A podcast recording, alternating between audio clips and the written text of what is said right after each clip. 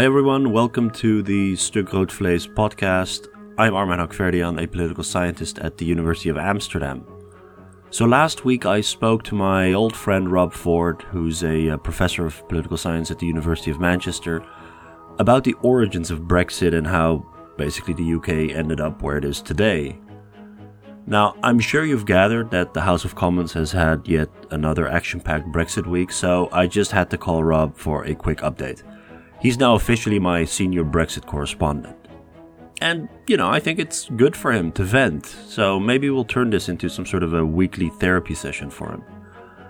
Just so you know, we're recording this on Saturday. I'll be posting this on Monday, and in Brexit land, that's a lot of time. A lot can happen within a day.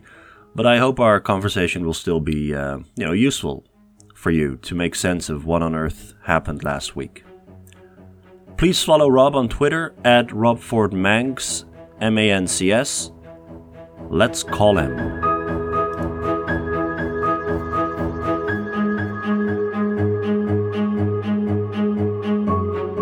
All right, there he is, everyone. Back by popular demand, our senior Brexit correspondent, Rob Ford. Rob, my countrymen liked you. Well, it's it's nice to know that uh, someone still likes us here in the UK. they also liked sort of the uh, the desperation in your voice. Yeah, well, I guess like the whole Brexit thing makes for a good spectator sport. Uh, it's a bit like rugby. There's a bunch of men furiously attacking each other for no apparent reason. It looks kind of good, I guess. And also, if this is sort of your last hurrah as a country, you know, you gave us football, you gave us the Beatles, you gave us Harry Potter. You know, it's it's a good record yeah, we've had a good run. You know, all, good things come to an end. Um, you know, I think that really this needs to end in the way that the last time we had this kind of a mess ended with the Dutch invading and sorting everything out. Where was that again? The Glorious Revolution, man. It was such a good invasion. We don't even call it an invasion. You mean you mean uh, our what was it? William the um... William of Orange. Yeah, he's still very popular with the Unionists over in Northern Ireland. That's why they all wear those. That's why they wear orange. That's right. All right, here, here's where we're at with Brexit. So last week, within three days, the House of Commons rejected a revised withdrawal agreement. They spoke out against the no deal Brexit under any circumstances. And then on Thursday, they voted to extend the March 29th deadline. So this is all within within a span of a few days. So I wanted to start with Tuesday's rejection of uh, May's revised withdrawal deal. Yeah. What exactly was different about this version compared to its predecessor, which was, you know, soundly rejected in, in January? Okay, well, to, to kind of set the scene for this, let, us remember where we left things in the last uh, episode of the podcast, um, the last episode of the soap opera, if you will, yes. um, when uh, the Mufasa voiced Attorney General uh, Geoffrey Cox had announced that uh, I will go to Brussels and bring you an improved deal, right. which will reassure you on the backstop. Uh, so he went off to Brussels um, last week, just a week ago. God, it seems like three years ago or something. Um, and he managed within two days to offend all the EU negotiators with his basic ignorance of EU law, international law, treaty law. And so he then announced, I have decided I need to attend a meeting of my constituents and left Brussels. And then the May team went back in, apologized profusely for the man with the funny voice offending all of them, um, spent hours frantically negotiating a last minute deal that then resulted in Theresa May vanishing for a few hours. Nobody knew where she was. And then she popped up in a big escort that went and took her to the airport, flew out to Brussels. There was this big rigmarole and all the Brussels bigwigs also got into big motorcades. They signed a deal and then returned, presented this deal to Geoffrey Cox. Now, you may not remember that he had his legal advice saying this didn't give us any exit route right. was one of the things that led the first vote to crash in flames. So everyone's eyes were on him then. So was he really that central? Because yeah, people were people were sort of uh, paying attention all day to what he was going to say. Is yeah. his voice that important? Well, it's two things. Firstly, he does sound like James Earl Jones, yeah. and you know that in itself is worth about thirty votes, I would estimate. Um, secondly, he is regarded as a very credible heavyweight Brexiteer, whereas right. the Prime Minister herself has very little credibility at this point. He's seen as an independent mind and so on. So his legal advice would have, at the very least, given a lot of Brexiteers a strong justification for Right. switching their votes. So everyone was like watching him and waiting him, and he said, "I am scrutinizing the new documents carefully." And then there was silence from him for several hours, except for one thing. While he was in the middle of scrutinizing the documents, uh, the news anchor at Channel Four claimed uh, that the documents were basically full of holes, and he was going to say no. To which he replied with a single word on Twitter, and he went, "Bollocks." So then everyone literally spent two hours analysing what he might mean by bollocks while they were waiting for him to announce. Then he then he came out with this big document. It dropped on the internet. It was a super exciting moment. Everyone was looking at it. It's all written in legalese. What does it mean? And in the end, what they decided it meant is. I have scrutinized the documents. I have looked at whether or not we can leave the backstop legally. And then everyone goes, well, can we, oh great Mufasa, leave the backstop legally? The answer is no. Right, exactly. At which point, all hell broke loose Yeah. because then within hours, all of the hard Brexiteers say, we're not voting for it in that case. The DUP say, we're not voting for it in this case. And then they were wondering if May was going to pull the vote altogether again. Yeah. But she went ahead with it anyway. Uh, and then in the midst of trying to sum up why people should vote for this thing, even though it was already at that point abundantly clear that it was once again going down in flames, in a marvelous piece of political symbolism, she literally lost her voice. You wanna you wanna do her voice too? No, let's no. Maybe I can't, not. I can't, I can't do it justice, but it, it's it's well worth looking up. So again, the the the point on which the deal failed and on which the Brexiteers or May wasn't able to convince her Brexiteers is basically there was no way in which the United Kingdom could unilaterally withdraw from whatever arrangements it had made with the EU, right?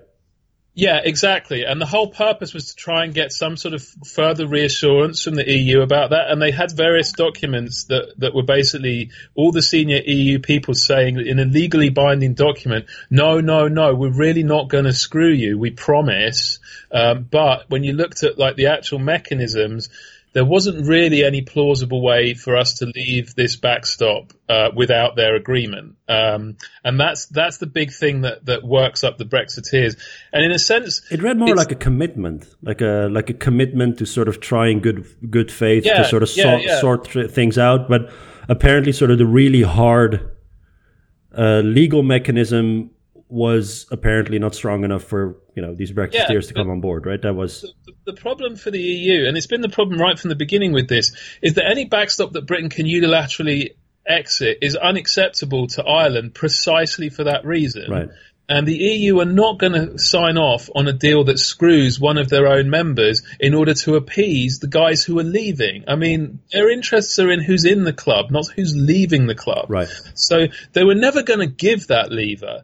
What everyone was wondering was whether or not they could come up with a formulation of words elaborate enough to convince Mufasa to deliver a more enthusiastic verdict on Right. what was happening. Because it's felt at this point in Britain that many of the Brexiteers are starting finally to come round to the idea that the best is the enemy of the good. That they are actually going to have to compromise or they're not going to get any kind of Brexit at all. Certainly not any of their key priorities because, you know, they'll- this whole deal will have to be kicked into the bin, start from scratch, and we'll probably end up with something softer. Yeah. So, in a sense, they were looking for, or it's felt that many of them are looking for a big pretext to move.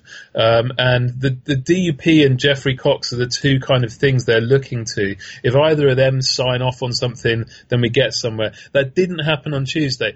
So let's move on to Wednesday. So Yeah, right. Tuesday night, you know, the government's deal's gone down again. It's the fourth biggest vote defeat in the history of modern British governments Yeah. somehow Theresa May is still going. At this point, she's becoming like the T1000 in Terminator 2. People keep blowing huge holes in her and she just keeps walking onwards relentlessly. Nothing can stop her. Um, so she returns to the Commons with no voice. Uh, on Wednesday, in order to table a motion ruling out no deal. But then she doesn't do that. She tables a motion saying, yeah, we don't want no deal for the moment, but maybe we'd like to bring it back onto the table later. Yeah. Which again was an attempt to appease the Brexiteer wing in her own party, who either really like no deal on, on its own terms or think it's a great negotiating strategy. Because always in negotiations, putting a gun to your own head is an amazing negotiating strategy, as we all know.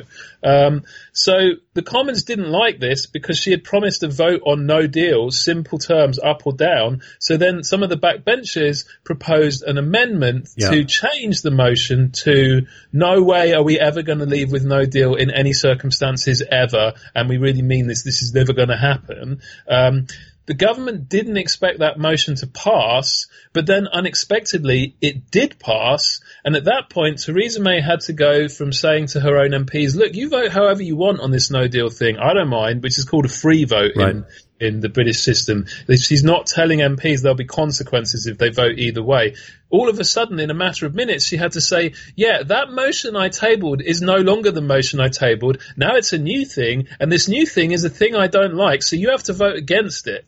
Um, but that message didn't get across to all of her MPs, so a bunch of her ministers refused to vote against it, which is normally a firing offence. Yeah. They didn't actually vote for it, but they they just abstained, which is also normally a firing event. She couldn't fire them though. And then the motion narrowly passed, which means that Parliament said, we never ever want to have a no deal. Now, everyone got very excited about this, and there were lots of headlines saying Parliament rules out no deal. Um, but as many people pointed out, this is a bit like jumping out of a plane and then announcing that you're ruling out crashing into the earth. Um, that doesn't mean anything unless you actually open a parachute. You know, you can keep on falling down towards Earth and say, no, no, I definitely rule out gravity. Um, Right. So uh, in the end, it's it's a symbolic vote. It's it's. Uh, I think the also the Brexiteers were sort of quick to to point out that you know the law of the land is the e- Britain still leaves the EU on the 29th of March, regardless of whether you know whatever the House of Commons said says it's not binding. yeah, exactly. You know, this is not NAM, man. There are There rules. are rules. Yes. Yeah, and so, but but it's not in completely meaningless. I mean, it's meaningless in terms of its legal force, but it's Right. not meaningless politically because, first of all, um, the people trying to rule out No Deal did this over the express opposition of the government, and thereby they demonstrated to both the Brexiteers here in Britain and to the EU that there is a majority in the Commons that wants to stop No Deal. Uh, and that's that's important because it, it ups the pressure on the Brexiteers uh, in terms of this idea that if you don't accept this deal on the table, um, you're going to end up with something that you like even less. Yeah. One of them actually had a brilliant analogy to explain this this week. Uh, literally, this is what they said in the House of Commons. One of the Brexiteers they said, "This deal is an absolute turd, but it's the best turd we've got." So I am going to vote for the turd. Um, The UK 2009, everyone. Yeah, the I best- know. the This- best this turd we've got. Oh, great So oratory. Great oratory too. Yeah, so that's unfortunately that that rousing argument didn't persuade enough of his colleagues. So, so the, the turd was voted down on Tuesday. Then we voted to say we don't want no deal on Wednesday. So then on Thursday we had a vote on whether or not to extend the negotiation. Oh, but hang And on. Did uh, did the speaker allow that kind of language in the House of Commons? This is the best turd we've got. Uh, he did. I, I think you're allowed to refer to turds so long as you're not calling another member of parliament a turd. You're allowed to call Order. legislation a turd. I don't know. Order. It's it's it's maybe a question we should pose to him. Yeah, unbelievable. Anyway, yeah, Thursday. so Thursday we had um, a new set of votes on extending Right.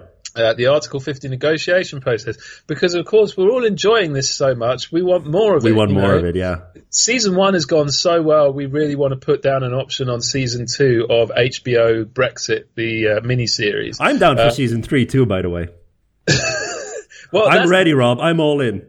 Yeah, yeah. I mean, this thing could run and run. It can be like Game of Thrones. Um, so the, the motion the PM put down had like two branches to it.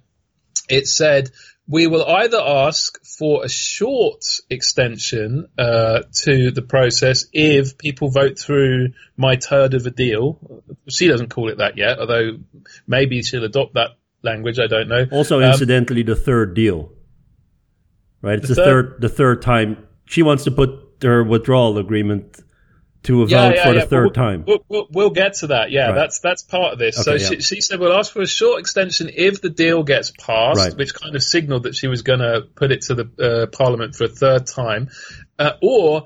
If it isn't passed, we will ask for a long extension because we've got to go back to square one and figure out what the heck we want to do, and that's going to take some time. Yeah. So that was the position on Thursday morning. Then the amendments to the motion came, which have been the things that have been causing all this kind of chaos all through because at this point, the Prime Minister has no control over the Commons, and the Commons keeps changing what she puts down into Yeah. something else.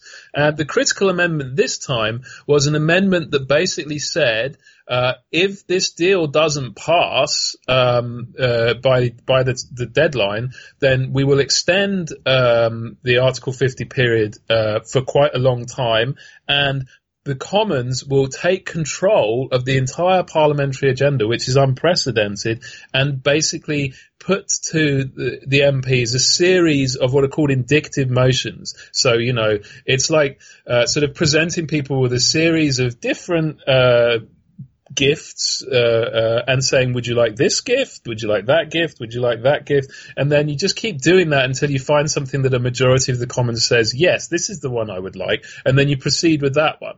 So this would be essentially government by the legislature instead of government by the government, Right. which, as I say, has just never happened. Uh, and everyone was very, very excited about the prospect that this would happen. It had gone, that they made an amendment like this earlier in the process and it had failed quite narrowly. And people thought because so much had happened since, maybe this time it was going to get through. So it got very, very exciting. And then the government got quite panicky. And a few hours before the vote, they announced, no, no, we'll do that thing with the indicative votes. We'll put the gifts before you and let you vote on each of them. That's fine. We're cool with that. Um, uh, but, you know, that's not binding again. Whereas this motion would be binding. They'd be forced to do it whether they liked it or not. So the motion, the amendment comes up to the vote and it fails by two votes. The closest thing yet in this process. Right. So if one MP had changed sides on, and you'll like this, it would have been a tie. And do you know what happens in the Commons if there's a tie? Order. Yes. Your friend, Mr. Speaker, would have to decide. Oh. We were within one vote of the Speaker deciding whether the Prime Minister gets to decide what kind of Brexit we have, or the Commons gets to decide which kind of Brexit we have. So that would have been really interesting. He'd be up to the task, I think. Oh, he'd love it. Yeah, he loves that. He loves he loves the spotlight. Yeah. Uh, so we were with him, and so that and that could of course happen again because this could come back onto the agenda again, and you know we could end up with a tie. But the government had a very very narrow escape on that one, um, and that means that their motion passed unamended, um, which means they're going into this weekend. Weirdly enough, um, you know, on a on a bit of a high in the sense that uh, you know it's like uh, three of the wheels fell off the car, but they've still got one wheel left. So let's carry on. Um, and uh, now they're going to table um, the the same turd as one of the MPs called it next Tuesday for a third vote. Right. And the, the argument they're now making is because this motion has passed, if you Brexiteers don't pass this now, that's it. Right, exactly. So maybe so let's let's go over the let's the scenarios for the future because uh, there are some interesting things also going on with what Tusk and also our prime minister said about this whole process. But so Yeah. there's one um, there's one scenario which would be the best for the government and for May, which is you know uh, they uh, she presents her deal to the House of Commons again, and this time it gets through. And then, you know, what is needed is basically maybe an extension of a couple of weeks to sort of put everything through the House of Commons in terms of statutes and laws and whatever transition period. But it, it wouldn't necessarily be an extension of Article 50. It would just sort of, they need a bit of time to, No, no, it, it would be an extension of Article 50. It has to be. but a couple of, but a couple of, you know, a couple Yeah, of weeks yeah. maybe. Um, it would be like uh, you know getting an extension on your essay because your dog got sick or whatever. It's like you know, it's not a big deal. Right, But it exactly. It's no big deal. Yeah. Um, Yeah. But but so then, how likely is this scenario? How likely is it that May comes up with something that actually passes this time? well, What would have to be different? I mean, who is she trying to convince? Well, it doesn't have to be different because the politics are different now. There are quite a lot of the of the Brexiteers who are now getting into a bit of a panic mode that that their that their that their dream of of, of, of a Britain free uh, uh, from all these awful EU constraints might might end up dying. Right. Um, uh, so they're, they're definitely, I mean, it's thought that they were already starting to, and remember that, that, there was a switch of roughly 40 votes between the first and the second already, including some quite senior figures like David Davis, the mm-hmm. original Brexit secretary, the one who used to come to all the meetings with no papers because, you know, he can just improvise, man. Um, yeah, he he's, he changed his mind. Um, a few of the other very vocal Brexiteers did too. Um, all eyes right now are on the DUP, okay.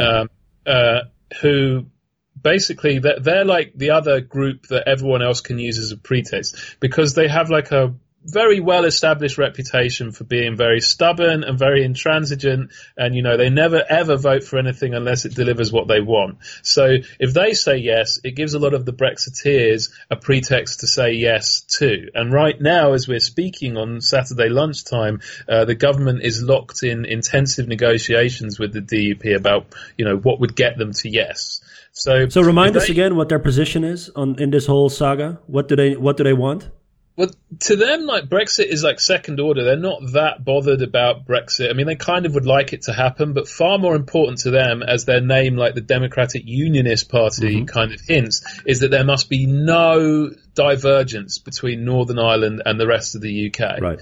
Uh, no divergence in rules, no divergence in laws, no divergence in customs, no divergence in anything. They want Northern Ireland cemented as part of the UK with no differences between the two.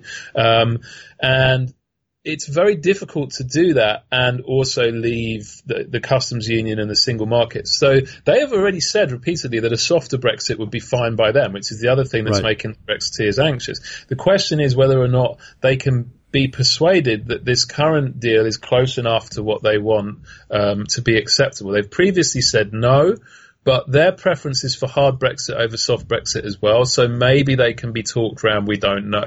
The track record would suggest they won't be because they don't really care. Uh, to be honest, uh, uh, if them saying no causes trouble for everybody else, mm. I mean, mm. their political history is them saying no and causing trouble for everybody else. Right. So it's in a sense a long shot, but you can't rule it out. Um, particularly because the government's probably desperate enough at this point to offer them a heck of a lot of money, uh, and they're apparently facing a lot of pressure back home from Northern Irish businesses who, to put it uh, mildly do not like the idea of a border being imposed in Ireland because it would put a lot of them out of business. But May, yeah, so but May basically needs, uh, but the DUP is not enough by itself, right? No, but the thing about the DUP is that they then provide the symbolic pretext for all the Brexiteers to vote for it, and they've already been saying this for like the last couple of weeks. If it's good enough for the DUP, it's good enough for me. Okay. So you get then a lot of the Brexiteers on board, and then you're in the kind of scenario. So it's like three dominoes have to fall. The DUP domino falls, then a lot of the Brexiteers switch as well. May's probably still short because there's about 20 of them that are like, um, you know, death metal headbanger Brexiteers who will never vote for this. Right. So she needs some votes from Labour, but those votes from Labour, that's the third domino. If most of the Brexiteers are on board, Labour's leave MPs, and there are quite a few of them, know that the vote is close enough that they can get it over the line. So then the, the theory goes they come on board as well, and May gets her deal through. So it's it's not impossible. Okay, it's difficult, but it's not impossible. Right. Then there's of course the option of May being defeated again, and yeah. then you know, then um, what would, or you know, one of the options is uh, a longer extension. However, that would require unanimous consent of the 27 EU member states. Yes, right. and the the, the uh, dog ate my homework extension. It's unlikely any of them are going to object to that. Right. The longer extension is troublesome both because it means Britain will then take part in the European Parliament elections. The EU have already said that's non-negotiable, um, and that means you know, bringing that lunacy into the European election campaign, which I don't think many of them are understandably very keen on. Right.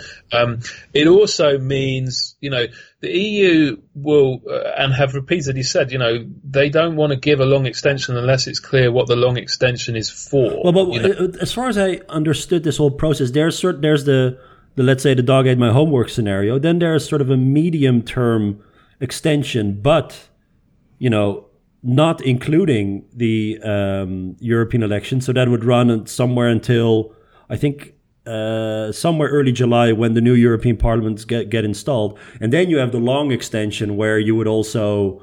Uh, where where uh, the UK and the EU would also negotiate on a trade deal and maybe on a customs deal, etc. I mean, in that sort of long term scenario, the UK would have to uh, participate in the uh, European elections, Yeah. but in the Yeah. medium scenario, um, they wouldn't.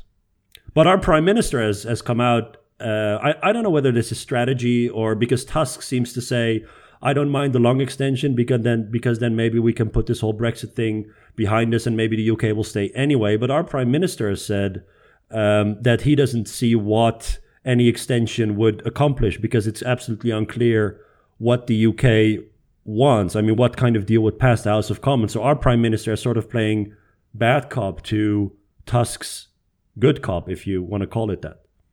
Yeah, and that that's that's see that the sequencing becomes tricky here because the EU leaders are meeting the day after May has her third vote on her deal. Um, but before the Commons has voted on any alternative to her deal. Um, so it, they don't want to give an extension without knowing what it's for, but it's impossible to know what it's going to be for at the point when they've got to grant the extension. So it's going to make things real tricky. Because say say we would get said, oh well, look, look, let's just have another referendum then, um, uh, or let's have a general election. The EU would say, okay, you can have a long extension uh, for that. That's clearly trying to try a new path to get out of this. But in the more likely scenario where May says, look, we're going to try and figure out some alternative deal, but I can't be specific because I don't know what the parliament wants, which is where we are now, then it's tricky for the EU to grant a long extension on the one hand, but on the other hand, a short extension risks us having exactly this same conversation Yeah, again right. around about mid June because Parliament will just do what it's done for the last three months and, and argue fruitlessly about impossible options. I mean, I've uh, there's also this uh, maybe politically. I don't know whether it's politically savvy that it's in the end the EU who pulls the plug and causes the no deal Brexit. I mean, there's all sorts of ways of framing this. Of course, it's not. I mean, the UK has made a mess of it all all by itself, but still, it would be the UK asking for an extension and then the EU basically pulling the plug and saying no, this is it, no deal Brexit. That seems. I know that seems really excessive. I don't know whether the EU would actually um, you know, I don't think risk do that sort of thing. Yeah, I don't think they'll do that first time. Uh, they they might do that if we keep asking for extensions because eventually they'll lose patience. And you remember, it's got to be unanimous. Right. quite a high bar. So all you've got to do is have one EU member um, who uh, decides they've had enough of this and proves to be unbiddable, and you've got a big problem. And I don't think it'll happen the first time um, because I don't think the EU want to be, you know, holding the can for uh, the No Deal happening. They want this to be on the British government. Um, Yeah. If it does happen. Um, so I think we will get an extension, but I think because at the point where they're going to be negotiating the extension, it's not going to be clear what it's for. I think it's likely they'll lean towards the shorter one, you know, probably till like the, you know, beginning or end of June. Um, because also they will know that these indicative votes are going to are likely to be happening. I mean, because that um, amendment fell, we don't know for certain they'll happen because it's not binding, and the government could go, ah, ah, ah no, we're going to carry on voting on May's third of a deal and nothing else until you vote for it. They could do that. There's nothing to stop them at this point. Um, but it looks likely that they will put indicative votes on the table at that point. And the EU will probably think, well, let's wait and see. Maybe they'll like be a big majority will emerge for a softer form of Brexit because a whole heap of Labour MPs will come on board, um, you know, and that would be a lot stabler than May's option anyway. Um, and let's give them some time to see if they figure that out, but not too much time. So I think that's the likeliest scenario Right. uh, first time round.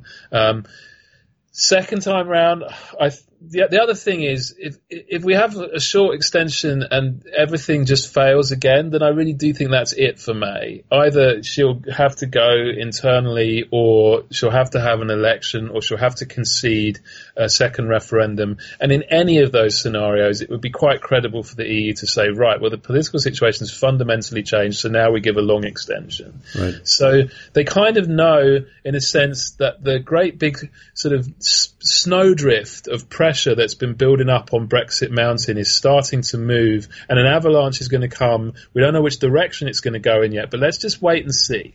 That seems like the likeliest thing to, to, to, to for them to think. I think. Right. I mean, also from the Dutch Dutch perspective, our prime minister can sort of, you know, he can utter tough language, but a no deal Brexit is not in the Dutch interest. I mean, of all the EU member states, I mean, the Dutch, you know, the Netherlands is one of the one of the you know one of the countries which probably will be hit hardest by a no deal Brexit. Yeah, yeah. I think the, the, the, in the modelling that's been done by various economists, after Ireland and Britain, the Netherlands is the economy hit hardest by a no deal. Um, I think it's probably also a bit of domestic politics. I think a few countries will probably do this in the coming months. You know, you, you want to make clear that you're, you know, ticked off with the Brits' bad behaviour. Um, yep. You know, you don't want to look soft on them or indulging them. So you make a lot of tough talk. Um, in order to say, you know, oh, we're getting fed up with this now. You, you know, why won't you just get on with it and go away? Uh, but the, the, yeah, they don't want to own that. Um, you know, because that that would be worse news for them. So there's of course also the um, the the perverse uh, reaction by uh, some of the more hardcore Brexiteers that are actually lobbying some governments to vote against the, the veto the veto to the um, the extension, so that the UK actually ends up leaving with no deal.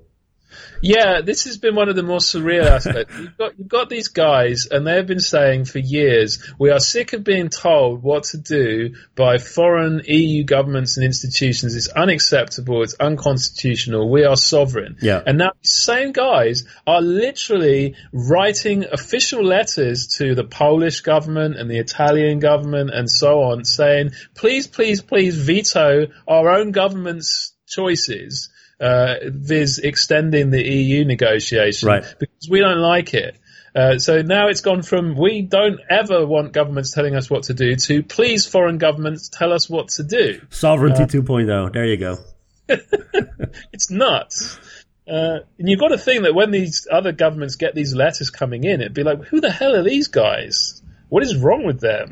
but so uh, these are the these are the uh, radical right, right? I mean, they're they're trying to contact their their their their ideological brethren in uh, yeah, some the yeah. EU member states to kick Britain out anyway, so that there is no extension. There's a no deal Brexit. Yeah, and, this uh, is the, the, the, death metal Brexiteers, yeah. the pro no deal Brexiteers, the nihilists. The man. nihilists, yeah, They'll do anything. so finally, I mean, we've so last time uh, we spent a lot of time talking about about uh, the Tories and internal division in the Conservative Party, talking about UKIP, uh, Labour, right? Yeah. I mean it seems like May is trying to uh, pass a deal with. Um, I mean, she's trying to convince the, the, the Brexit wing of her party and then the DUP uh, because if she wants more Labour votes, Brexit would have to be softer, not harder, and that's something that, of course, she'll alienate her own uh, party maybe yeah. even further, right? But what is Labour's play in all this? What are well, they? What, what what is their strategy? What do they What do they want to accomplish?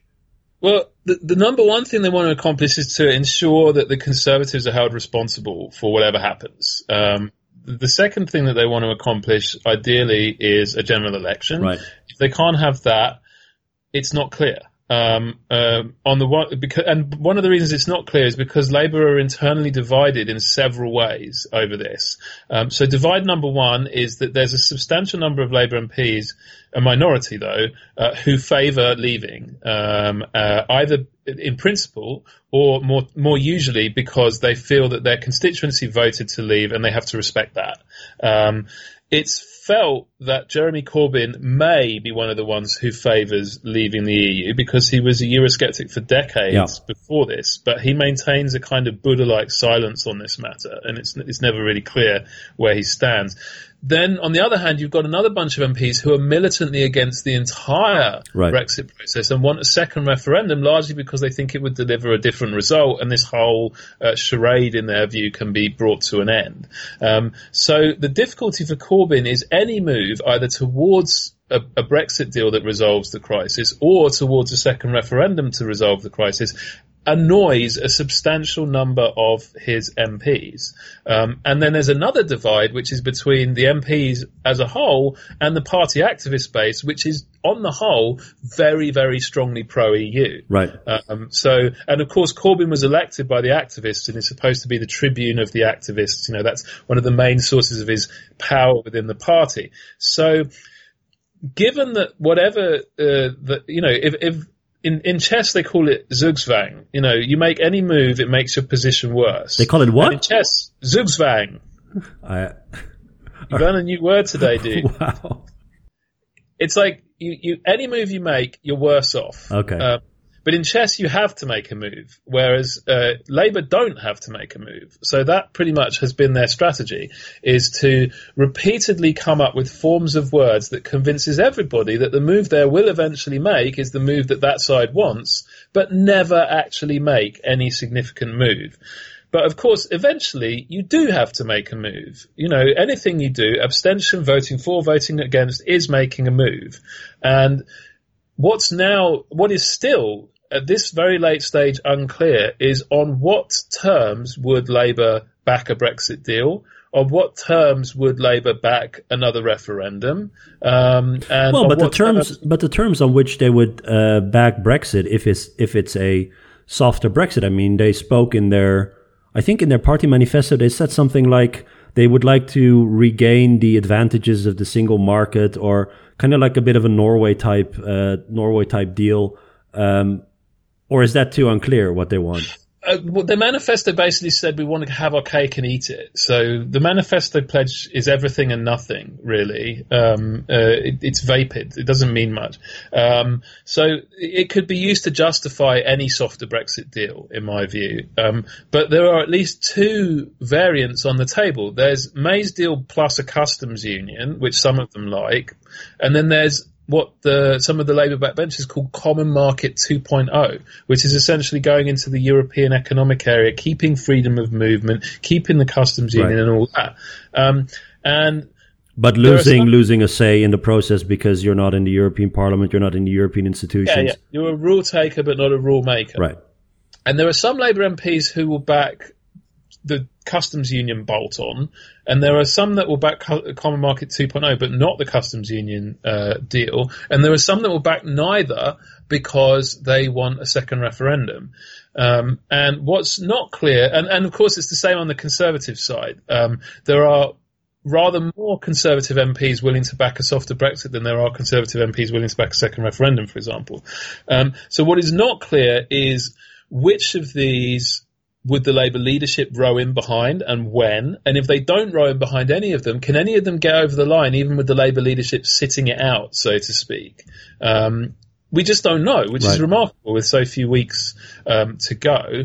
Um, at present, if I was to sort of take a bet, I would say that the softer Brexit options have a better chance than the second referendum um, because there are very, very few Conservative MPs who would back a second referendum in any circumstances, and there are quite a few Labour MPs who will oppose a second referendum in any circumstances, which makes it very hard for it to get over the line. Um, whereas with softer Brexit, you've got quite a few Tory MPs who will back different forms of softer Brexit, uh, and far fewer Labour MPs who would never back Yeah. uh, such a thing. Um, they they they need persuading in various ways, but they're not dead set against it. So that seems like the likeliest outcome. But then the, the thing is that the leadership has a critical role to play. If they out and out oppose an option at this stage, they can probably kill it. Um, but they're not doing so. Uh, if they whip to support an option, they can give it a major advantage over other options. But so far, they're not doing that either. If they offer free votes, they give an advantage to whichever option has amassed the most support amongst the backbenchers on its own. Um, which, if I was forced to guess, I would say is probably likely to be Common Market 2.0. Um, because a lot. If they felt second referendum was dead, I think that's where a lot of the second referendum backers would go. Um, so Yeah. that's where we are. But as I say, the remarkable thing is that Labour hasn't really offered a strong indication at all about these um, positions, and the explanation for that is really, like I say, it's the Zugzwang problem. They don't want to because anything they do is costly for them, and why bear the cost when you know this isn't their dumpster fire; it's the Conservatives' dumpster fire. So let Right. them burn. So, but the so so uh, last sort of question um, is precisely on this point uh, that Labour is making a strategic calculation, basically an electoral calculation, that as long as they stay vague about this sort of stuff and let the Conservatives shoot themselves in the foot, they will reap the benefits come election time. But I, I don't know whether it's whether this is uh, this is at all useful. But if you look at the polls, the conservative uh, vote uh, share is extremely stable, and so is so are all the other vote shares. Labour's seems to be going down a bit. I mean, I'm looking at the poll of polls, um, sort of your polling average. Uh, up to this point, is there any indication that the electorate is holding the Tories responsible for this mess? I mean, it's not like up to this point they've done such a good job, but it seems like they're not losing a lot of voters over it, are they? Um, yes and no. It's complicated because I suspect the polling will change quite a lot as and when we pass the end game stage of this and voters are actually assessing the outcome rather than you know arguing amongst themselves about what's going to happen. So we're still at a point where the various different groups who support the Conservative Party can can kind of argue to themselves and to their friends for their own preferred outcome and say that's what the Conservatives are going to do eventually. Um, at some point that will cease to be true, uh, and that's when you'll see the political effects. So I think rather than the, than the vote intention stuff, it's more useful to look at the sort of views of the process itself. Uh, and there you see ominous signs for both parties in a way. So on the Conservative side, ratings of May are extremely low. Um, ratings of her handling of the process are very, very low. There's been an upwards drift in the share of Conservative voters who say they would prefer to have no deal at all, which is problematic for the Conservatives if, if they really do believe that no deal is an outcome they must not deliver, because those voters will be annoyed, uh, even if they would have been annoyed anyway if no deal happened, because it would be worse than they imagine it would be. They will feel that their preferred outcome wasn't delivered. On the Labour side, um, the share of Labour, current or former Labour voters who say they don't know what Labour stands for on Brexit has been rising a lot. Um, and a lot of those voters are voters who have very strong views about the EU on the Remain side and are becoming increasingly annoyed that Labour refuses to make any kind of stand on this. So it seems that their strategy of sitting on their hands is potentially starting to, to costs are starting to build up. But I guess if you're the Labour leadership, what you say to that is, well, that's the case right now, but once the process is resolved, that number will fall right back down again. It won't be important. It won't matter that people thought at this stage that we didn't seem to have a position because they won't feel that way in a few weeks' time. Too much is going to change. And they may well be right about that, is the truth. Yeah. Or they may well turn out to be catastrophically wrong about that, and all those people will actually continue to hold them responsible for this outcome because they'll say, you know, your inaction basically killed off things I wanted to happen. We, and because this is a very unprecedented process, it's very hard to know from any kind of past polling behaviour which of those is more likely. So, final thing I wanted to um, mention here is on uh, December 31st, 2018, you posted a thread on Twitter, a predictions thread. Yeah. It says, okay, time for my 2019 predictions. Uh, and here's what you said about Brexit. I have very low confidence in this given the huge uncertainty and wide range of op- option, but here goes. We will go right to the edge of the Article 50 deadline, maybe even a little past it, but in the end, May's deal will get voted through after an absolutely awful March. I think that's very much in play now, right? yeah. I mean, it's not bad. Edge. It's not a bad March- prediction. No, no. I, I mean, I, I'm kind of sad it came true in that you know I, I, I would have preferred not to have an awful march and preferred not to have this extended. But it, it looks about right. And the, the reason I made that prediction, which I still think is one of the most important things to keep at the front of your mind following this process, is I said the biggest impediment to resolving this is partisanship. Yeah. You know, the Conservatives are tribal people, Labour are tribal people. Maybe not in the electorate, but at the level of MPs, they are. These are people who spend their lives fighting the other side. Yeah. And to get any Brexit deal, they have to do deals. They have to ally with significant numbers of the other side. And that requires overcoming a lot of distrust, a lot of institutional obstacles. So my prediction was anything that's complicated uh, is more likely to fail because of those obstacles. And the one thing May's deal has going for it is that it just has to get a majority. Nothing else has to be done. No other legislation has to be passed or anything like that. It gives it a big advantage. And that seems to be how it's gone so far. The other options have all flailed around because it's so difficult for them to overcome these tribal and institutional disadvantages. The problem with that is the other thing that doesn't have to overcome any tribal or institutional disadvantages is leaving automatically with no deal, which is why it's still a live option, unfortunately. Rob, thanks. Thanks for this update. That's all right. Be back in a week with another one. I know, I know. There's, you know, we're, we're. This is not the end. No, this is not even the beginning of the end. Okay, hang it. No, this is not. Maybe it's the end of the beginning. Okay, hang in there, uh, Rob. We'll uh, we'll talk to you soon. Thanks so much. Okay. Cheers, Armen. All right. Bye.